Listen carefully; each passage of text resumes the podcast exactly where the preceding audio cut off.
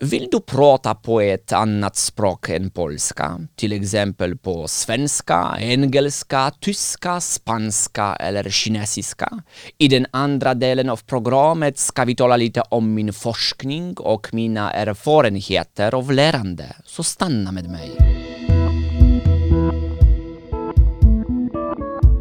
Wpadłem ostatnio na genialny pomysł, aby nauczyć się w tajemnicy jakiegoś egzotycznego języka obcego tylko z jednego powodu. Jeśli kiedykolwiek będę miał operację mózgu, to zaraz po wybudzeniu będę używał wyłącznie tego języka. Moja cała rodzina będzie przerażona. Niby to dużo pracy, aby nauczyć się nowego języka, ale czego się nie robi dla dobrego żartu. No ale właśnie, czy to naprawdę aż tak dużo pracy? Może da się nauczyć jakiegoś języka zaledwie w pół roku i to na dobrym, średnio zaawansowanym poziomie?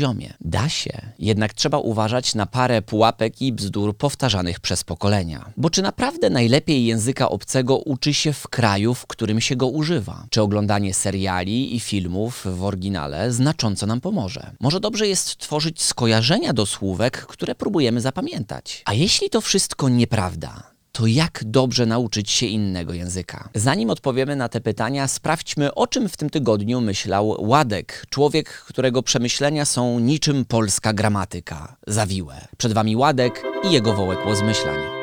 Bardzo często przepłaszamy Anglików lub Amerykanów za to, że słabo posługujemy się ich językiem, podczas gdy prawie zawsze mówimy po angielsku lepiej niż oni w jakimkolwiek języku obcym. Coś w tym jest, więc ja od dzisiaj nie przepraszam za to, jak mówię po angielsku. Przeproszę, owszem, jeśli jakiś Anglik chociaż wymówi mama, mama, mama łygę, albo w czasie suszy suchą szosą Sasza szedł, a teraz czeka już na was wujek, narewolwerowany niczym narewolwerowany rewolwer, dlatego przed wami zagadka wujka Radka. Dobrze, taki odcinek językowy dzisiaj mamy, niech tego będzie. W związku z tym ja zapytam o słowo angielskie curling, które oznacza zimowy sport, w którym po lodzie się tak puszcza takie kamienie, pusz, pusz. I od czego najprawdopodobniej się wzięło słowo curling? A. Od kur, czyli dźwięku szorującego kamienia w lodzie. B. Od curl, czyli od tego, że się kręcą czasami te kamienie. C. C od król, czyli od tego, że się brutalnie ze sobą król tak zderzają. No skąd? A ten garling w ogóle to jest taka fajna dyscyplina, popularna. Kobiety szczególnie ją uwielbiają, bo dzięki niej mogą jednocześnie zamiatać i krzyczeć. Wujek, Jezu. Odpowiedź jak zwykle na końcu, a przed wami gwóźdź programu. Od paru lat zajmuję się badaniem tego, jak ludzie zapamiętują przeróżne informacje, w tym słówka i zasady obcych języków. Wiele osób chce więc podzielić się ze mną opinią na ten temat i często słyszę takie zdanie. Wow, Radek, ty jesteś naprawdę mądry, ale też bardzo zabawny i przystojny. No, przez grzeczność nie zaprzeczę, natomiast prawie tak samo często słyszę, ja to akurat myślę, że najłatwiej języka obcego to się nauczyć tak, że jedziesz do kraju, w którym się mówi w tym języku i po paru tygodniach będziesz szprechać jak ta lala. I jak która lala? W każdym razie wiele ludzi uważa, że wyjazd za granicę to najskuteczniejszy sposób nauki nowego języka. Czy na pewno? Badano to już w latach 80. XX wieku na ulubionym króliku doświadczalnym wszystkich naukowców, czyli na studentach. Sprawdzano skrupulatnie, jak zmieniała się ich znajomość języka rosyjskiego po tym, gdy wyjechali na wymianę do ówczesnego Związku Radzieckiego. Większość ze studentów, obok smaku wódki, poznało też całkiem nieźle rosyjski, ale ich postępy były dość wolne i małe. W komentarzu do tego badania napisano, że pogląd, iż takie wyjazdy są najlepsze do nauki języka, został, cytuję, rozerwany na strzępy. Inne eksperymenty prowadzone w różnych krajach też to potwierdziły, a niektóre wskazywały, że uczenie się języka we własnym kraju da nawet lepsze rezultaty. Jak to możliwe? Co może przeszkadzać w nauce za granicą? Trochę ostrego cienia mgły rzucają na to wspomnienia Alexa Rawlingsa, który w wieku 20 lat biegle mówił w 11 językach. Jego znajomi poradzili mu, aby przeprowadził się do Moskwy i w ten sposób łatwiej nauczył się rosyjskiego. Koszmar zaczął się już na lotnisku, na którym przez komunikaty zapisane cyrylicą Alex nie był w stanie nawet znaleźć właściwej kolejki do odprawy paszportowej. Później było tylko gorzej, bo zwykłe wyjście do sklepu stało się dla niego traumatycznym przeżyciem. Po paru miesiącach zauważył, że stres związany z barierą językową powoduje u niego ciągłe bóle głowy, pleców i innych organów. Dopiero po pół roku poradził sobie z tymi dolegliwościami, gdy udało mu się lepiej mówić po rosyjsku. A mówimy tu nie o pierwszym lepszym człowieku, a o osobie obeznanej w temacie uczenia się języków obcych. Alex pisał potem, że kolejnego języka będzie uczył się w domu. Wniosek? Nie jeździć do Rosji. A w kontekście nauki języków, rzucanie się na głęboką wodę zamiast pomagać może hamować naszą naukę. Na ten sposób kształcenia mówi się profesjonalnie submersja, bo to słowo oznacza też całkowite zanurzenie się pod taflę wody. Zatem submersja to uczenie kogoś pływania poprzez zepchnięcie go z klifu do morza. Owszem, u niektórych może to zadziałać całkiem nieźle, ale u innych zakończy się tragicznie. Zanim poznałem badania naukowe, sam byłem gorliwym zwolennikiem submersji, bo zawsze wydawała mi się genialna w prostocie. Podczas całej mojej nauki szwedzkiego ani razu nie byłem w Szwecji, ale przez internet słuchałem tamtejszego radia, oglądałem skandynawskie seriale bez napisów i czytałem klasyczne szwedzkie kryminały. Efekt? Rozumiałem jedno słowo na sto i się wkurzałem, jak wtedy, gdy na opakowaniu makaronu jest wyraźnie napisane, żeby go gotować 8 minut, a po 10 nadal jest twardy tak, że można nim grać w bierki. Dlaczego producenci makaronu tak robią? Czy tam się odbyła jakaś narada? Dziękuję bardzo wszystkim za przybycie. Panie i panowie, z naszych testów wynika, że nasz makaron wychodzi idealnie pyszny al dente po 13 minutach gotowania.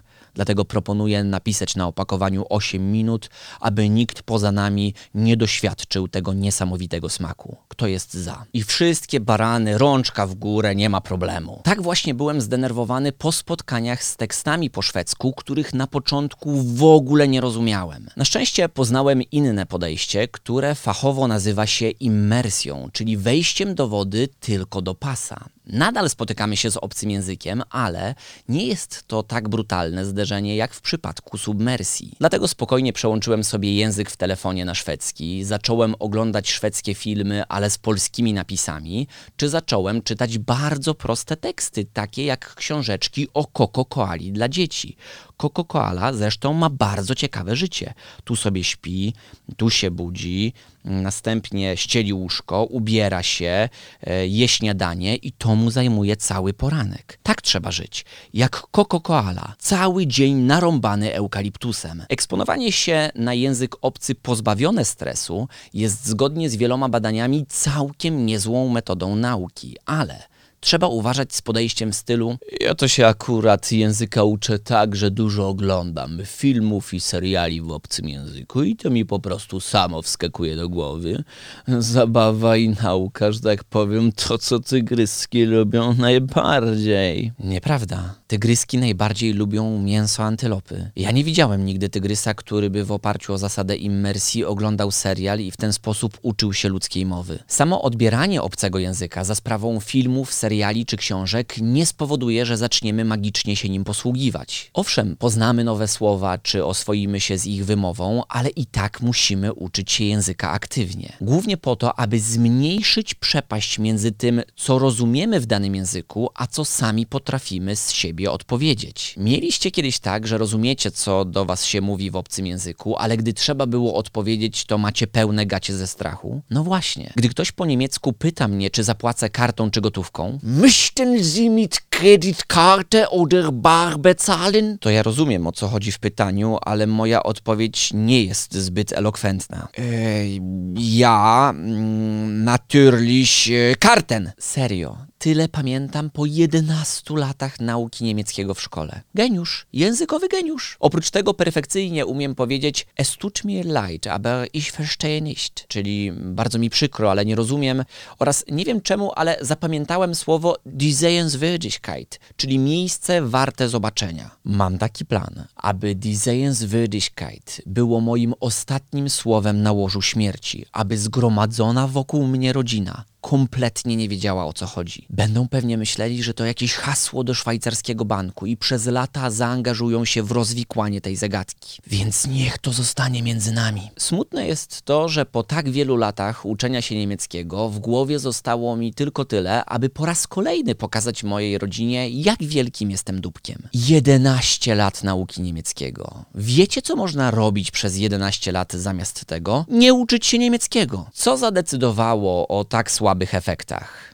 Trzy rzeczy. Pierwszą z nich znacie bardzo dobrze, także z uczenia się czegoś innego. Chodzi o wybranie złej metody do zapamiętania informacji, a konkretnie tej, która według badań profesora Daniela Willingama jest najszerzej używana na świecie. W pierwszej fazie młody lub dorosły uczeń czyta odpowiedni fragment podręcznika szkolnego i stara się go zrozumieć. Często przy tym zakreśla lub podkreśla najważniejsze fragmenty. Nawiasem mówiąc, dzisiejsze badania pokazują, że zakreślanie czy podkreślanie czegokolwiek niewiele daje. Potem uczeń nie robi nic aż do dnia lub zdaniem profesora maksymalnie do dwóch dni przed egzaminem. Wtedy po raz drugi czyta wszystko i skupia się na zaznaczonych fragmentach. Brzmi znajomo? To podsumowanie całej mojej szkolnej edukacji z taką tylko różnicą, że nie za bardzo chciało mi się czegokolwiek zakreślać, więc po prostu czytałem parę razy te same teksty, których trzeba było się nauczyć. Tak samo uczyłem się słówek. Po lewej stronie w kolumnie miałem je napisane po polsku, a po prawej po niemiecku, więc jechałem miejsce warte zobaczenia. Die Sehenswürdigkeit. Die.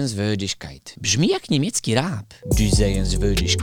Problem polega na tym, że dzisiaj z tych słówek pamiętam tylko to jedno, a reszta rozpłynęła się w powietrzu. Dlaczego? Bo wbrew utartej opinii, mechaniczne powtarzanie jakiejś treści nie sprawi, że ją zapamiętamy. Kiedyś mówiło się nawet, że mózg jest jak mięsień. Im częściej go ćwiczymy jakąś informacją, tym lepiej. To bzdura, którą między innymi obaliły badania Ernsta Rotkopfa. Profesor sprawdzał, jakie wyniki na teście będą miały różne grupy studentów, którym kazał czytać materiały 0 razy, raz, dwa razy i w końcu cztery razy. Grupa, która nie przeczytała materiału źródłowego ani razu, miała około 16% poprawnych odpowiedzi. I tak nieźle.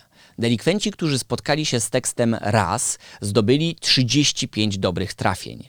Ci, którzy przerobili te same teksty dwa i cztery razy, osiągnęli niemal identyczny wynik około 45% poprawnych odpowiedzi. Wychodzi więc na to, że ludzie, którzy przeczytali tekst cztery razy, zmarnowali dwa razy więcej czasu niż ci, którzy przerobili go tylko dwukrotnie, a osiągnęli praktycznie ten sam wynik. Wiecie, co można było zrobić w tym czasie? Nie czytać tego durnego tekstu. Czego nas to uczy? Dla naszego mózgu nie ma większego znaczenia, ile razy spotkamy się z jakąś treścią, której w żaden sposób głębiej nie przerobimy. Mieliście kiedyś tak, że znaliście stronę z podręcznika szkolnego lub jakiegokolwiek innego tekstu tak dobrze, że z zamkniętymi oczami byliście w stanie wskazać, gdzie na kartce znajduje się jakaś informacja? Ja też tak miałem. Profesor Robert Bjork słusznie nazywa to iluzją wiedzy. Wtedy macie to w głowie, ale tydzień później już tego nie będzie. Dlatego przeszliśmy jako tako przez cały system edukacji, bo udało nam się zapamiętać te informacje na chwilę, ale trudno się do nich wraca po latach. Długość ciała pantofelka była na biologii ze trzy razy w różnych klasach. Nikt jej dzisiaj nie pamięta. Zwłaszcza przy uczeniu się języków obcych ważna jest trwałość zapamiętywania. Samo eksponowanie się wiele razy na jakąś treść nie zagwarantuje nam absolutnie niczego. Aby to zauważyć, nie potrzebujemy nawet tysiąca badań naukowych. Wystarczy klasyczny i prosty test. Weźmy najpopularniejszy banknot w obiegu w Polsce 100 zł. Dobrze go znamy. Z przodu są mniej lub bardziej czytelne symbole, takie jak gotycka rozeta czy korona. Jednak z tyłu jest już dużo łatwiej. Co jest więc na odwrocie 100 złotówki pod tarczą z orłem? Albo chociaż obok tej tarczy. Mieliście ten banknot wiele razy w rękach. Większość ludzi nie ma pojęcia, nie potrafi wydobyć tej informacji z głowy. Mimo, że gdy zobaczy, że chodzi o oczywiste symbole zwycięstwa pod Grunwaldem, a więc dwa nagie miecze, hełm i krzyżacki płaszcz, to wydaje się nam to banalne.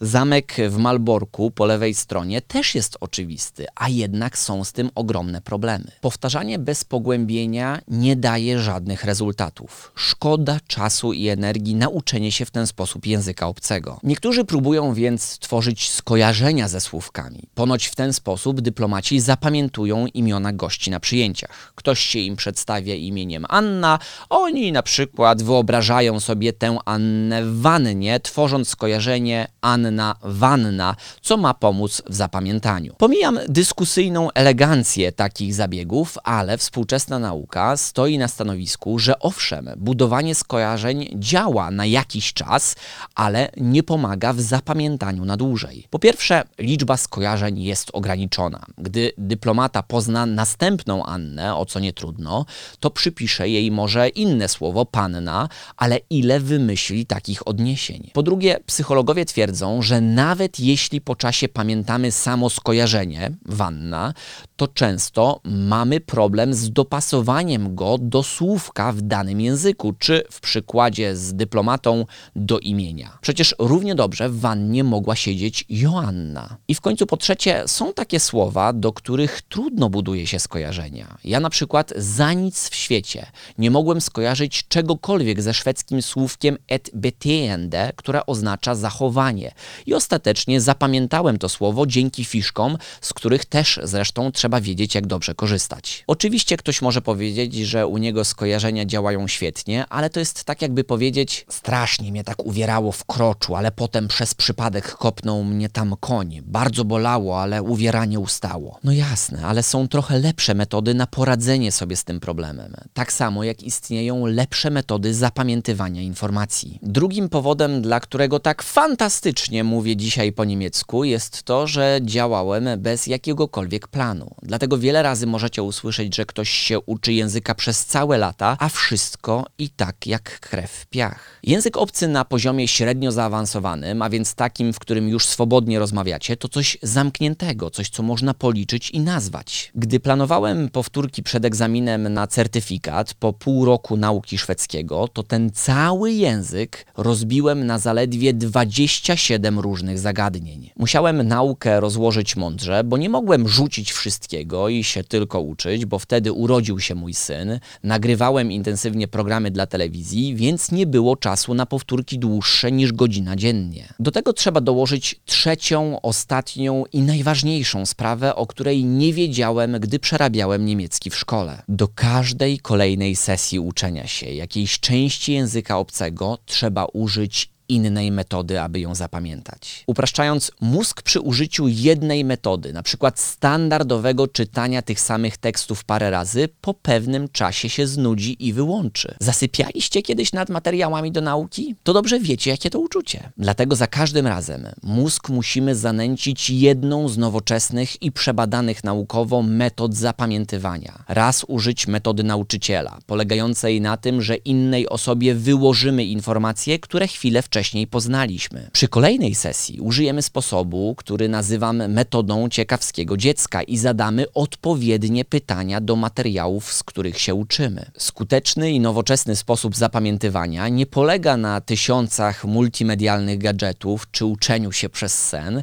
ale na zastosowaniu metod, które paradoksalnie w sporej części powstały po to, aby pomóc tak zwanym trudnym uczniom. Szybko okazało się, że równie dobrze działają także na tak zwanych normalnych uczniach. Jeden z najważniejszych pedagogów europejskich, Sebastian Leitner, powiedział zresztą kiedyś, że nie ma słabych uczniów, są tylko słabe metody uczenia. Czy mielibyśmy pretensje do człowieka, którego wrzuciliśmy do jeziora, który się utopił, bo nie miał wystarczającej wiedzy na temat tego, jak się pływa, po prostu nie umiał pływać? Nie. To dlaczego mamy pretensje do uczniów, którzy otrzymują słabe oceny lub nie przykładają się do nauki, skoro nikt ich nie nauczył, jak mają się uczyć? Co bardzo ważne, nie ma jednej i skutecznej metody. Ja do codziennej nauki języka obcego czy innych rzeczy korzystam z sześciu, siedmiu metod, które dobieram w zależności od tego, co mam zapamiętać na dłużej. Wszystkie je opisałem w mojej książce Włam się do mózgu, którą kupiło już prawie 150 tysięcy osób. Jako, że jest to ostatni odcinek drugiej serii Polimatów 2, spokojnie wracam jesienią, to na zwieńczenie tego sezonu ogłaszam darmową wysyłkę każdego egzemplarza włamu zakupionego od dzisiaj do 8 czerwca. Wiem, że ta książka pozwoli Wam zamienić te stare nawyki związane z uczeniem się języka obcego czy czegokolwiek innego na te, które oszczędzają czas i działają na dłużej. Włam się do mózgu można kupić tylko w internecie, najlepiej na stronie radekaltenberg.pl. Zadanie na dzisiaj jest proste. Napiszcie w komentarzu, czy czytaliście już moją książkę i co z niej zapamiętaliście. Jeśli słuchacie tego w formie podcastu, to po prostu o tym pomyślcie. Dziękuję za to, że byliście ze mną w serii wiosennej wiosennej i widzimy się po wakacjach, a w międzyczasie podrzucę tutaj parę niespodzianek. Powodzenia z nauką języków obcych i do zobaczenia następnym razem. Została nam jeszcze tylko poprawna odpowiedź na zagadkę wujka Radka, tym razem to B. Słowo carling wzięło się od angielskiego, a jeszcze dawnego, starego angielskiego curl, czyli od kręcenia się kamieni szorujących po lodzie. Mam jeszcze ostatnią prośbę o kliknięcie łapki w górę lub subskrybowanie tego podcastu, jeśli ten program do jego odtwarzania daje taką możliwość. Tego typu aktywności są naprawdę ważne. Jeszcze raz bardzo dziękuję za wspólną drugą serię Polimatów 2 i przypominam, że do 8 czerwca 2020 roku możecie kupić Włam się do mózgu na radekaltenberg.pl nie płacąc za koszty wysyłki kurierem. Z ogromną przyjemnością je pokryję. Bardzo dziękuję Wam. Do usłyszenia następnym razem.